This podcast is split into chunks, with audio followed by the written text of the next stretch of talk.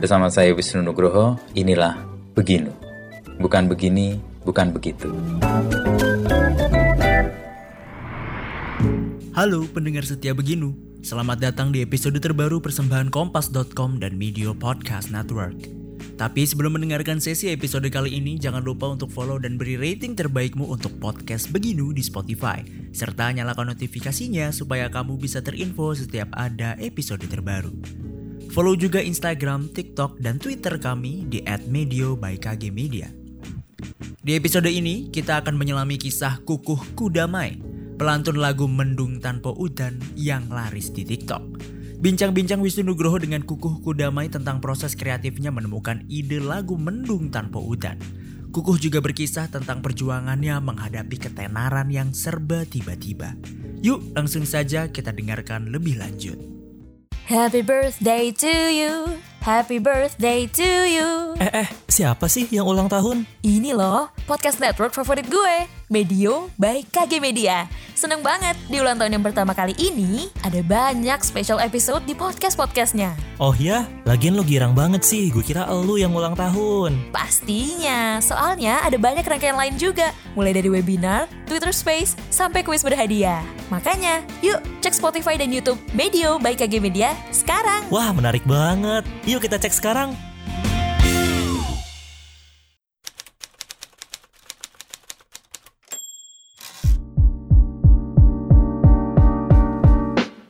Tapi kegemaran uh, untuk uh, hujan itu sebenarnya ada apa di balik itu? mendung dan hujan itu gini mas aku tuh nggak tahu dari kuliah itu kan kalau membaca naskah bosen terus. Aku bayangin peristiwanya. Mm-hmm. waktu itu di kos-kosan aku sering duduk di depan jendela itu cuma lihat hujan. Aku nggak tahu kenapa yang kemudian itu kayak jadi ruang kalau musik jadilan itu kan monoton mas dong deng dong dong deng dong deng dong deng dong deng dong deng Kayak kalau Jakarta topeng monyet itu ah dong deng deng dengan beat yang Sama monoton. Oh. lah air hujan itu kan juga gitu. Mirip. Ah, jadi aku kayak ke bawah ke mana gitu terus aku bisa zet gitu. ah itu terus terus yang kemudian aku Jakarta ngelamun di nulis mendung tanpa hujan kan di Jakarta di Palmerah. Bonjero, waktu itu. oh, oh. Bonjero. Itu waktu apa? Lagi syuting untuk syuting mas syuting tapi kontraknya diputus di tengah-tengah itu aduh aku duit Itu sudah daerah mana kebon jeruk di di jalan madrasah Ah sih. Karena aku dulu pernah kos daerah situ. Iya, di jeruk, Palmerah, oke. terus aku dia udah berbulan-bulan aku nggak ngapa-ngapain temanku kan jurnalis toh ada yang marketing terus ada yang nyari berita bingung dia kok bisa ya mereka kerja ya gitu ya? Aku orang kesenian kok kayaknya malah stagnan gitu aku mikir. Aku bisa nggak ya kerja kayak mereka gitu? Aktivitasnya di pandemi tapi tetap punya aktivitas gitu. Terus aku ngelamun ngerokok. Jakarta tuh gelap banget mas. Sore itu setengah lima atau jam empatan. Yang tiba-tiba kemudian itu temanku di atas kok minta tolong kok? Oh, angkatin jemuranku. Angkatin Pas mendung itu. iya gelap. aku ngerokok ambil ngeteh itu kok nggak hujan aku nah, tak sambungin ke lirik refnya mas Ah, Wah, oke. mendung tanpa udan ini apa ya? Harapan ternyata. Hmm. Kan orang kalau lihat awan gelap pasti Khawatir. akan eh, khawatir, situasinya akan terburu-buru dan yang lain sebagainya. Tapi apa yang dikhawatirkan itu ternyata nggak terjadi. Hmm. Kalau hujan kan gitu secara nganunya, apa secara iklim cuacanya toh Mas. Tapi kalau aku tak geser ke mendung tanpa hujan di laguku itu sesuatu yang diharapkan tapi nggak kesampaian. Hmm. Jadi hujan itu adalah apa ya? Tidak terpenuhinya Oh, oh, harapan. keinginan untuk Oke. menikah itu loh, Mas. Ah, oke. Di situ. Dan itu kan kayak menjadi apa ya? eh, lagu banyak orang karena hampir semua orang mengalami itu loh dalam hidupnya Iya. kan. Dia punya harapan, ketika harapannya nggak terengkuh, ya mela- melakukan itu kayak dapat ininya apa? Dapat lagu kebangsaannya. Nah, itu Mas yang menurutku ternyata ternyata sep- karena aku nangkep itu ketika aku setelah latihan teater di kampus. Jadi ada beberapa teman-teman itu dari pulau luar pulau Jawa lah intinya. Dan ada juga pulau orang-orang pulau Jawa banyak banget. Karena kampus itu kan dari ujung sana sampai ujung sini mereka kuliah di situ. Suatu ketika kita latihan kayak biasanya anak teater sama anak tari acaraan sampai ada yang dua tahun tiga tahun. Terus mendekati lulus tuh mereka tuh sempat diskusi ngobrol. Kalau kamu nanti lulus dari kampus ini kamu ngapain jarang yang jawab aku mau jadi PNS gitu jarang. Wah itu pusangar aku. aku karena nggak punya tujuan mas. Maksudnya setelah ini mau jadi apa gitu nggak mikir aku ngalir ngalir nah, yang tak inget itu eh, temanku itu dia bilang ah bangun sanggar di kampung aja. Nanti aku sore-sore ngumpulin anak kecil pakai sarung lihat istriku pakai daster. Uh enak juga ya. Tapi warisannya banyak tuh di kampung mas. Kalau aku nggak punya warisan wah enak. Terus itu tak apa tak ingat, Ingat gitu tak ya. ingat. Mm, aku masuk ke kampus serius di kesenian apa yang yang menempel di aku ya? Selain proses maksudnya dari nggak bisa baca naskah sampai akhirnya bisa baca naskah nggak tahu lampu akhirnya tahu lampu nggak tahu perspektif di panggung akhirnya tahu. Sampai akhirnya aku ngambil minat utama yang menurut orang-orang itu bukan bukan apa bukan keinginanku eh, aku ngambil penulisan kok orang keaktoran aja. Karena aku males nulis mas. Ya, ya. terus akhirnya aku ambil itu. Jadi semuanya kadang-kadang itu tak balik gitu. Terus tak tangkep model-modelnya gitu. Dan itu yang aku coba untuk pertahanan. Kayak mendengarkan cerita-cerita temen tadi. kadang baca buku atau ya banyak lah mas aktivitas-aktivitas yang misalnya kayak nongkrong di trotoar atau pasar litian gitu kan Itu kan butuh kepekaan ya, Bu. Kuku melatih itu gimana sih? Untuk mendapatkan, kan nggak semua orang misalnya tadi naik Vespa, berhenti, ada ibu-ibu nangis, nggak semua orang lalu tergerak loh. Atau mengabaikan, kuku bisa punya kepekaan itu terlatihnya karena apa? Mungkin dulu di teater kan observasi itu mungkin ya Mas. Oh, Ah, itu kan pengamatan, ada. Oh, oh. lihat, Nah, itu membentuk. Nah, oh, membentuk itu. Kalau di teater kan kita baca teks. Seandainya preman orang Sumatera itu kayak gimana? Oh, bayangkan, Oh. observasi juga. Nah, kita paling waktu itu YouTube kan belum terlalu kencang. Mungkin kita ke asrama. Orang-orang Oh, Sumatera gitu ya. Berapa hari lah ngobrol. Gitu. gitu ya. Oh, ah, kalau enggak teman-teman di kampus juga ada gitu. Aku tak balik mas, Hmm. tapi aku nggak nggak punya tujuan ketika jalan. Tapi misalnya aku pengen nyari warung pinggir sawah gitu. Hmm. Ya udah. Nanti di jalan kan nggak tahu mas kita ketemu apa. Ibu-ibu umur 70 gitu jualan mainan anak-anak. Hmm.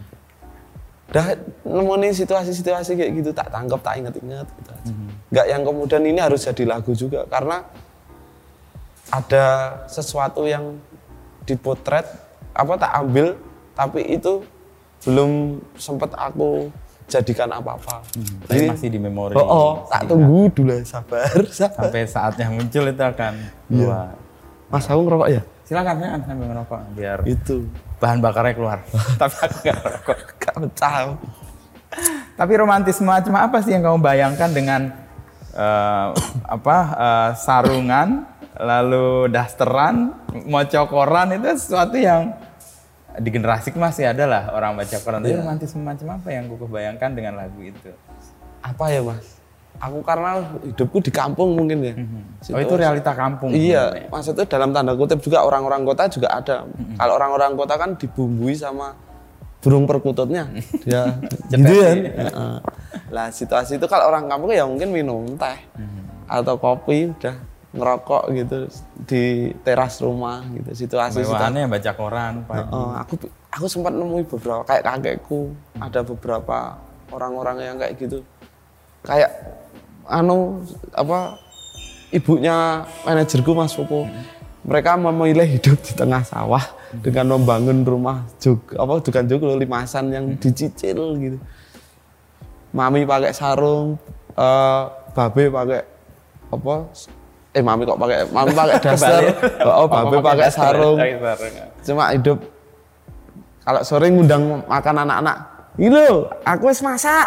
Ayo ndon ini Wah, menyenangkan masak menurutku ya. nggak harus yang kemudian dia pakai sesuatu yang bermerek tapi kenyamanan hidup itu ya bisa dibangun dari hal yang sesimpel apa pun aku pikir. No, ya.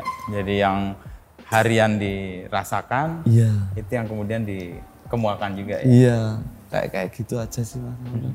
Tapi posisi yang kemudian membuat Mas Kukuh apa dikenal luas kan lagu yang mendung tanpa Mendung hujan Tanpa Hujan. bukan yang Mas Kukuh awali sebenarnya kan arti menjadi maksudku dikenal luasnya oleh orang yang kemudian mengcover ya Iya, nah, iya kayak gitu mas. itu gimana proses sampai terjadi seperti itu Sebenarnya pada waktu awal Maret itu aku sama arranger yang bikin musiknya itu ini didangdutin aja. oh emang sudah awal udah ada Oh, tapi aku nggak nggak mau masih belum. ego Aduh, aku nyanyinya nggak bisa ya aku dangdut itu. oh lebih karena nggak bisa nyanyinya Iya mas. Dan aku situasi dangdut itu nggak paham bukan nggak paham tapi lebih ke random banget tau mas. Maksud se- segala lapisan loh mas. Ngondisiin orang sebanyak itu kan ngeri juga. nah itu tadi kamu takut dengan Iya. Tangan yang begitu luas itu ya. Itu apa ya? Dan kita nggak tahu.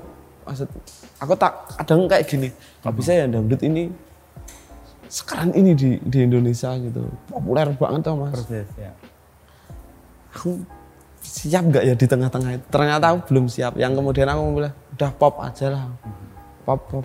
Nggak aku nggak yang kemudian aku nggak nyari darnya gitu. Yang yang aku cari aku malah pikir ketika ketika aku nanti mati kena covid mas pandemi itu yang aku pikirkan ini bisa jadi waris kalau aku nikah aku punya warisan ke anakku ini karya ini. Ke situ pikirnya. aku mikirnya ke situ mas. Tapi lagu ini bakalan meledak dengan versi dangdut itu udah aku perkirakan mas. Pasti ini ledas gitu. Dan ternyata betul Iya. ya. Maret Mas Kukuh membawakan dengan pop, Iya. lalu Juli ya tuh. Juli. Juli Juli Darboy membuat itu jadi luas. Dan awal-awal kan orang nggak tahu kalau itu Mas Kukuh sebenarnya. Iya. Kebanyakan. Heeh. Ada perasaan gimana? Emang sudah terasa bahwa ini akan mempopulerkan yang membawakan lagu? Iya pasti mas aku tuh Amin dua itu Daru tuh bilang Mas kalau kamu nggak ikhlas aku tiba-tiba ngilang mas oh, karena karena, aku ngedapin mas Oh, oke. Wah, karena udah promo kan beberapa kali gitu. Wah itu udah banyak yang respon positif banget lah. Vibe-nya itu udah Dapat. gitu. Terus yang kemudian aku ngilang Mhm. aku nggak pengen Oh, ketemu orang. siapa gitu gitu gitu. Aku mempersiapkan diri benar-benar mas. Ketika ini keluar gitu. Dan Daru masih belum percaya kalau lagu ini akan meledak mas kalau kamu nggak ikhlas ini kurang dua hari. Kalau aku take down aku take down mas dia Sampai begitu ya. Eh, iya Daru ya. Oke. mas santai mas ini yang belum selesai itu aku Bukan bukan kamunya oh aku gitu udah tak kasih pemahaman pelan pelan Terus dilakoni wae dilakoni aku Tapi kemudian dia oke ya. oke Tapi menghilangnya Mas Kukuh membuat orang penasaran dong pasti. apanya gimana? Menghilangnya Mas Kukuh kan sempat menghilang kan? Iya, circle mas, teman-teman yang pada- biasa. Oh, Oh, kayak Mas Bandis itu yang nanyain itu. aku. Yo kadang-kadang kayak gitu tuh mas. Kalau sesuatu yang dilepas terus itu kan bahaya juga tuh mas. Karena ada ujungnya. Takutnya kalau udah sampai ujungnya aku ngapain gitu. Iya, iya. Mau umurku ya masih hampir mau 30 kan. Artinya kalau masih manusia umum rentangnya masih panjang Masih- lah. ya. masih Kalau panjang. diculuk kayak sekarang kan ya gitu. Iya. Nah, itu masa ya langsung nyaman. Malah nggak ngapa-ngapain. Tapi kan itu jadi booming nggak hanya nasional bahkan internasional. Nggak hanya dangdut Indonesia bahkan Korean yang jadi pop Iya, pun melakukan itu. Itu ada efek yang nyata buat Mas. Ya banyak yang anu mbak-mbak yang apa nge- ngere- apa bikin story story itu terus ditag di aku cuma gitu aja. Kok bisa ketanya kok misalnya kok bisa ke situ? Padahal itu dilaku loh mas sampean ini. Duh, malah aku nggak tahu Nggak- mas. Nggak menyangka juga ya. Dia nggak menyangka dan aku nggak tahu kok bisa sampai situ juga. Ah, maksudku di balik itu ada apa? Aku juga nggak tahu. Kayak gitu. Tapi efek secara ekonomi kelihatan nyata nggak Mas? Kalau dari mana mas? Dari album yang Oh, eh, jelas, Mendung. Tanpa Udan, lalu dipopulerkan oleh Darboy, lalu Jelas. ada, Kalau itu ada. expose yang gede. efek anu apa ekonomi yang sangat luar biasa Mas. Mhm. dan tapi aku nggak berani megang itu sampai sekarang aku nggak megang Terus menyerahkan ke manajemen Iya. itu. Apa pertimbangan apa? Khawatir sembrono atau khawatir nggak mampu mengelola? ya itu nggak mampu mengelola sih lebih tepatnya karena iya mas duit aja tuh disuruh apalagi kayak aku apalagi sekarang seneng Vespa gitu wah Bisa dicel. Iya, itu mas satu. Terus aku tipikal orang yang nggak bisa nabung, gitu. Jadi mau tak alokasikan duitnya untuk untuk kebutuhanku sama kebutuhan karya aku aja. Jadi kayak Kayak kemarin invest lagi ya Heeh. untuk pro- proses kreatifnya. ya. mulai dari nol lagi sekarang mas. Jadi setelah puncaknya kan kemarin aku konser Mendung Tanpa Hujan, rilis buku Mendung Tanpa Hujan. Udah mulai dari nol lagi yuk, gitu. Sama bikin klip toh mas. Ya, ya. dan Deora Roto sama itu. Jadi dalam satu bulan itu memang benar-benar brol gitu. Untuk mengeksekusi produksi di Mengeksekusi produksi. tiga ya tadi itu ya. Album, buku, sama Oke. Ada rencana untuk membuat ini selesai dengan tadi jalan mau keliling Jawa katanya. Iya. Vespa. Insya Allah aku mau tur naik kendaraanku sendiri. Kalau ada temanku yang mau nemenin nanti satu orang itu, kalau dia mau mas, nanti aku akan ajak dia tur Jawa dulu. Kota-kota yang sekiranya mampu tak apa aku Datang ya? mampu oh, mampu datang itu tak puteri dulu aja sama bawa buku cerita sambil tak nerusin nulis nulis itu Eh, Sambil di jalan itu menemukan tadi ya observasi lagi. Iya. Tapi kerja-kerja kuku kayak wartawan loh kalau aku amati ya. gimana Kayak wartawan. wartawan serius, mungkin karena gaulnya juga wartawan. Wartawan itu kerjanya kan riset, observasi sama ngobrol sama orang. kan kayak yang ketiga kan jadi tempat obrolan kan, Kuku.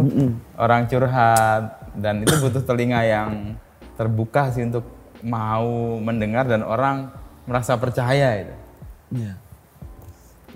Ya mungkin sama juga mungkin ya mas cara proses halaman nolnya mungkin kalau aku di, bi- eh, di teater ketika dapat tokoh tokoh gitu di ya. naskah gitu aku harus tahu psikologi psikologi dan fisikologinya Itu riset juga iya kan. ya mungkin itu yang tak ambil dari keilmuan kalau sosiologinya Hmm. jadi aku harus Memahami konteks itu, masyarakatnya. oh. dan banyak temanku jurnalis juga tuh mas jadi mungkin itu yang juga jadi pengaruh Iya, iya. Tapi proses untuk kemudian dari teater ya diisi kan ya. Ini sekarang ke penulisan ya. Iya. Ada lompatan atau segaris menurut kuku Eh, gimana mas maksudnya? Jadi kan belajarnya teater. Heeh, Tapi, tapi itu ke musik. kan ke musik ke penulisan bahkan. Heeh. Jadi gini Itu mas, aku tuh dari SMP kelas 4 tuh punya band. Buh, Main- main empat oh, SD. oh. Main apa? Gitar. Gitar, oke. Di 17-an gitu mas, main, main ke gitu, woi seneng. Band The Kill lah kalau zaman dulu. Oke. sama anak-anak itu, udah sama anak-anak kampung lah. Terus Di Madiun. di Madiun. Terus aku SMP punya band hardcore, hardcore punk itu. Terus Namanya? Biskuit Power namanya. Wah, Biskuit Power. Itu Wah, ini kayak merek. oh. Kayak Biskuit Power. Aku gara-gara ada band namanya Gorilla Biskuit. Ah, oke. Band luar gitu terus anak-anak kayak aku sen- seneng seneng semua gitu kayak gini aja bandnya namanya ya Biskuit, Biskuit Power, Power. ada judul lagunya itu Oke. kita ambil untuk jadi nama band itu Hmm. terus ya, aku tuh nggak sadar sering nganu ngelantur mah kayak Ngantur main gitu. Oh, oh, main gitar tapi nyanyi oh gitu.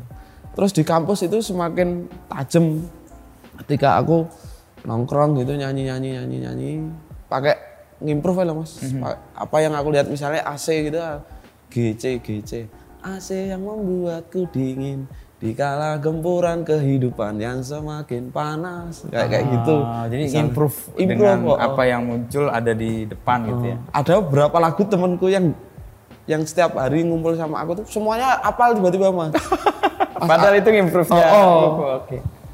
buat ngamen juga untuk cari dana FTR waktu itu ada festival kita bikin festival teater remaja terus kita ngamen pakai lagu-laguku itu loh gitu ya udah oh, ya wes lah Itu masih di Madiun. di Yang kampus oh, di- udah di kampus. Ah. terus ya udahlah mungkin dari situ juga insting insting nulisku Musik itu di situ. Oh. Hmm. dan nggak bisa ditarget mas aku tuh aku tuh setahun nyelesain ini album ini Hmm. jadi aku jalan ke mana tak revisi jalan ke mana yang mendung ketemu dan itu aku nemuin refnya empat bulan Hmm. mulai dari teksnya sampai suasana musiknya itu empat bulan Mhm. baru aku Rilis. Heeh. baru aku berani ngerekord nggak tahu kenapa aku kok bisa selambat itu gitu Tapi kan emang nggak ada target yang dipatok kan? nggak Ya, artinya itu proses yang kemudian menemukan jalannya ya karena perjalanan yang panjang itu kan, nggak nggak harus selesai di bulan ini. Nggak. Nah, nggak itu nikmatnya seniman tuh nggak punya deadline. iya tapi sekarang jadi kayak anu mas gampang. Istilah bukan gam- bukan gampang ya kalimatnya tapi lebih ke ketemu metodenya. Oh, karena sudah berkali-kali menjalani ya. Iya, jadi ketemu metodenya ketika aku nangkap situasi yang aku nggak tahu, tapi ini menarik, tak tak, tak bentuk gagasannya. Terus yang kemudian dari gagasan itu aku tulis secara acak, terus kemudian diksinya baru aku aku rancang diksinya, yang kemudian baru nadanya. Oh, itu metode yang akhirnya tertemukan Iya. karena prosesnya ya. yang akhirnya apa ya sekarang makanya aku berani lompat ke tema yang ketiga gitu Oh, karena udah ketemu metodenya. ya. Eh, album ketiga gitu ya ngeyel lah di target itu nggak bisa. Hmm. belum ya mas belum ya ayo rilis kapan bulan ntar ntar ntar ntar nafasnya panjang dulu ya Hmm. Tapi dengan tidak ada target kan berarti bukan tanpa proses kreatif kan? Bukan. Cuman belum ketemu yang pas banget aja ya. Betul, Yang Mas. Kukuh ngerasa ini kayaknya belum layak dirilis nih atau belum dimunculkan gitu ya. ya apa ya mas yang organik tuh menurutku lebih mahal Oh iya benar. Dan itu lebih otentik juga sih. Iya. Nggak dibuat-buat kan. Itu. Kayak gini mas, aku nemuin yang di laguku yang baru itu. Yen wayah esok pitik tonggo podo kluruk senajan mung lawuh kerupuk susah seneng tetep masuk. Itu gara-gara aku di kontrakan pakai gitar mini itu. Duh, kok nggak nemu ya? Kok nggak nemu ya? Aku ngejreng tak pancing terus nggak nemu. Terus aku tak taruh diam. Ada suara ayam gitu. Dari kamarku terus ini kandang ayam. Ini yang di di di sini di kota gede. Bukan, yang waktu di Gabusan. Oh, Gabusan, Ya, eh, Wan pindah sama. Mm-mm. Kan wayah esok itu ya. Heeh. Kan itu aku rekam, mah. Mm-mm. Keganggu lah aku, mah. Keluruknya itu. Oh, tak dengerin nadanya udah enak, tapi keganggu ayam. Ah. Tapi ini kayaknya jadi lagu bagus juga itu. Malah kan penanda waktu kan, masuk, Mas. ya. Heeh. Jadi a- aku di lagu terakhir itu menceritakan ak- eh, aktivitas dari pagi sampai sore. Jadi jika pagi ayam Berkokok. tetangga pada berkokok. Terus jika siang aku yen wayah awan. Jika siang aku nyuci baju. Terus habis itu jemur pakaian, kamu sudah cepak gorengan. Oh. Jika sore eh, ayam tetangga dimasukkan. Hmm. Aku yang nyapu latar, kamu yang nyiram bunga. Nah, itu inget bapak ibu yang Heeh. itu. Pemantiknya dari situ, tapi ayam itu jadi wah ini bagus Elemen di pembukanya Oh, oh. ya. Oke. Jadi malah buka gitu. Kayak aku nulis mendung tanpa udan di, di refnya dulu tuh. Awak dewi tahun dewi bayangan besok sampai sampai aku Besok yang wes Saya omah-omahan. aku maca koran sarungan kue belanja dasteran sampai situ mas tapi kalau sampai sini doang ini nggak jadi apa kejutan. Cerita, tak panjangin lah. Ternyata apa yang dibangun di mimpinya itu di ending lagu itu patah ternyata. Ternyata semua sekarang sudah jadi kenangan aku kiri kamu kanan. Iya, iya. kayak kayak gitu. Lah mendung tanpa udan itu juga jadi momentum terakhirnya. Yang kayak per- yang kayak aku nemukan titik keluruk Titik itu. tadi itu ya. di terakhir itu temanku iki tambahi brit tambahi jembatan untuk neng refnya. Hmm. apa iki lagu wis cukup ternyata aku ngelamun nemu mendung gitu Oh, Oke. tulis lah itu Dan masuk ya. Masuk. Bahwa harapan nggak sepenuhnya bisa Terwujud. terwujud.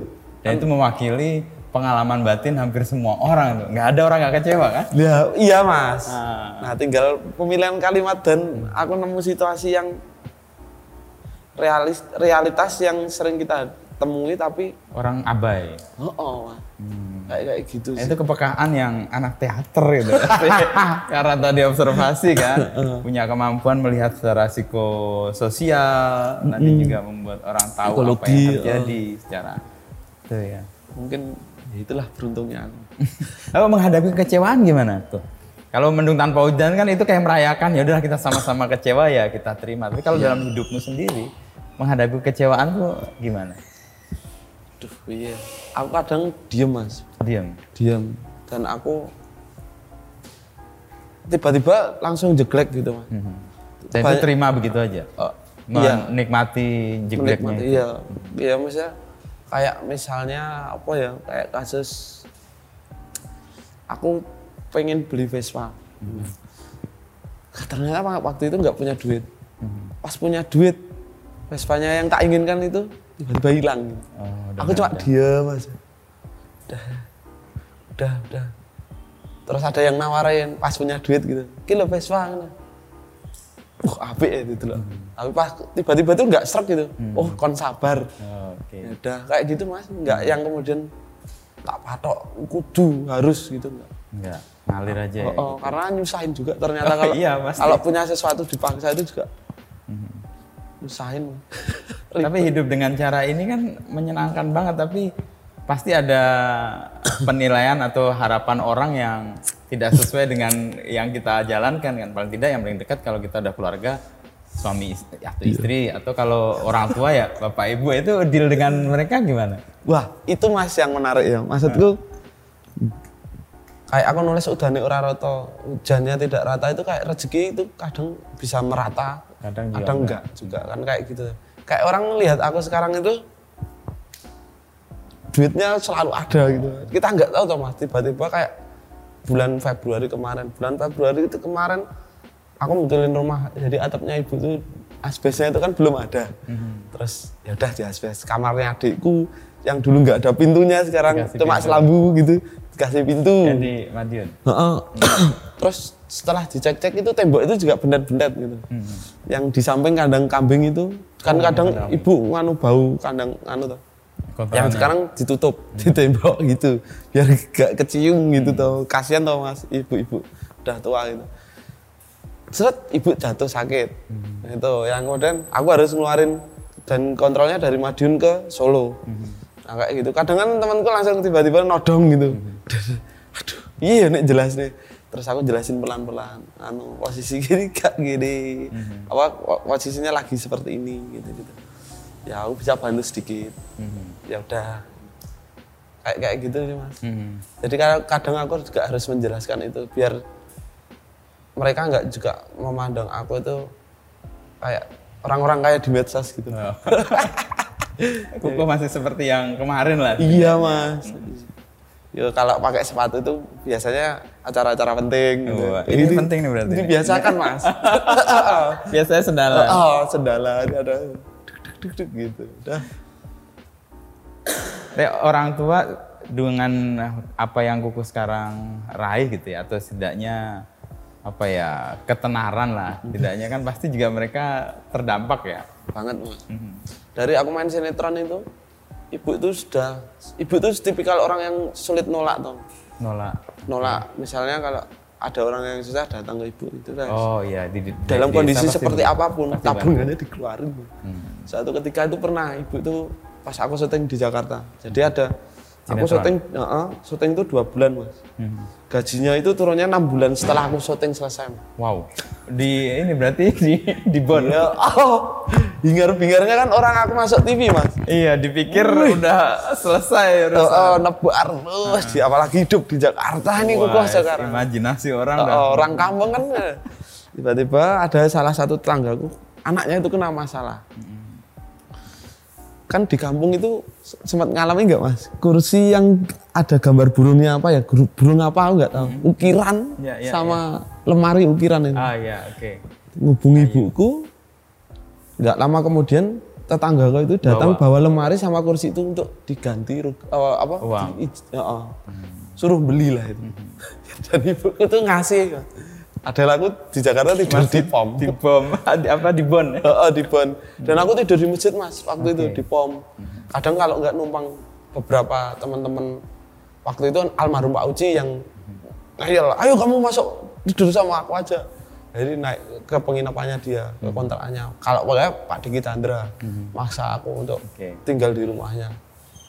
Kan nggak tahu mas situasiku di Jakarta kayak gimana. dianggapnya musuh di Oh. TV Populer. populer. Pas tak, tak apa tak telepon bu aku ini mentok ini duit gue habis. Aduh duitnya baru tak silih ki. Duitnya hampir apa sudah tak pinjemin ke tetangga. Aduh, ya wis lah. Akhirnya ya sudah mas, lantung lagi, bikin teh, minta produksi gitu-gitu. Yang kadang ibuku gitu mas, jadi piye ya, ibuku sulit untuk Menolak. menolak itu. Tapi kalau anaknya sampai di titik sekarang itu bingung tuh mas. Anakku teater besok, apalagi keluargaku keluarga guru. Oh guru. PNS ya mas. Bapak ibu guru. Enggak, bapak, Bapak. sopir, sopir pickup gitu mas. Ngangkut dua, kalau ibu guru BK. Wah ngadepi anak-anak nakal biasa. Banget mas. Banyak banyak di jalan mas semuanya. Oke. Dan aku nemuin ibu itu kerennya ada anak didiknya yang sopir. Aku kan kadang aku naik bis gitu pengen nggak naik kereta atau apa gimana. Naik bis lah aku. Ketemu orang-orang yang random lagi. Ternyata kernetnya muridnya ibuku mas. Oh. Dia, duh, arep ning ndi Mas? Balik. oh." Nggih Mas. Salam Bu Ibu ya. Kok kenal ibuku aku. Kok kenal ibu ya? Oh, aku muridnya. Jadi cerita Mas. Dia itu katanya sudah uh, uh, hamin dua minggu dia harus keluar dari sekolah itu. Tapi seminggu uh, uh, seminggu sebelumnya ibuku datang. Ayo sekolah mana? lagi. Uh, nyuruh masuk lagi. Ya kayak gitu maksudnya Menyelamatkan. menyelamatkan. Misinya ibuku tuh hero banget ah. sementara aku ya kayak gini. Maksudku kadang ibuku kan juga terjebak di situ juga. Ya tapi kalau ibuku aku ngerasain vibe eh, suasana hatinya hari ini tuh seneng banget lihat aku. nggak mengira lulus, lulusan Isi kampus. teater. Di- sekarang bisa. Karyanya alhamdulillah lah maksudnya. Bisa diterima lapisan masyarakat Terima kasih telah mendengarkan podcast Beginu. Nantikan obrolan Wisnu Nugroho bersama narasumber inspiratif lainnya. Oh iya, jangan lupa juga untuk follow dan nyalakan notifikasi podcast Beginu agar tidak ketinggalan episode selanjutnya. Saya Dava Wahyu dan segenap tim Media Podcast Network pamit undur diri.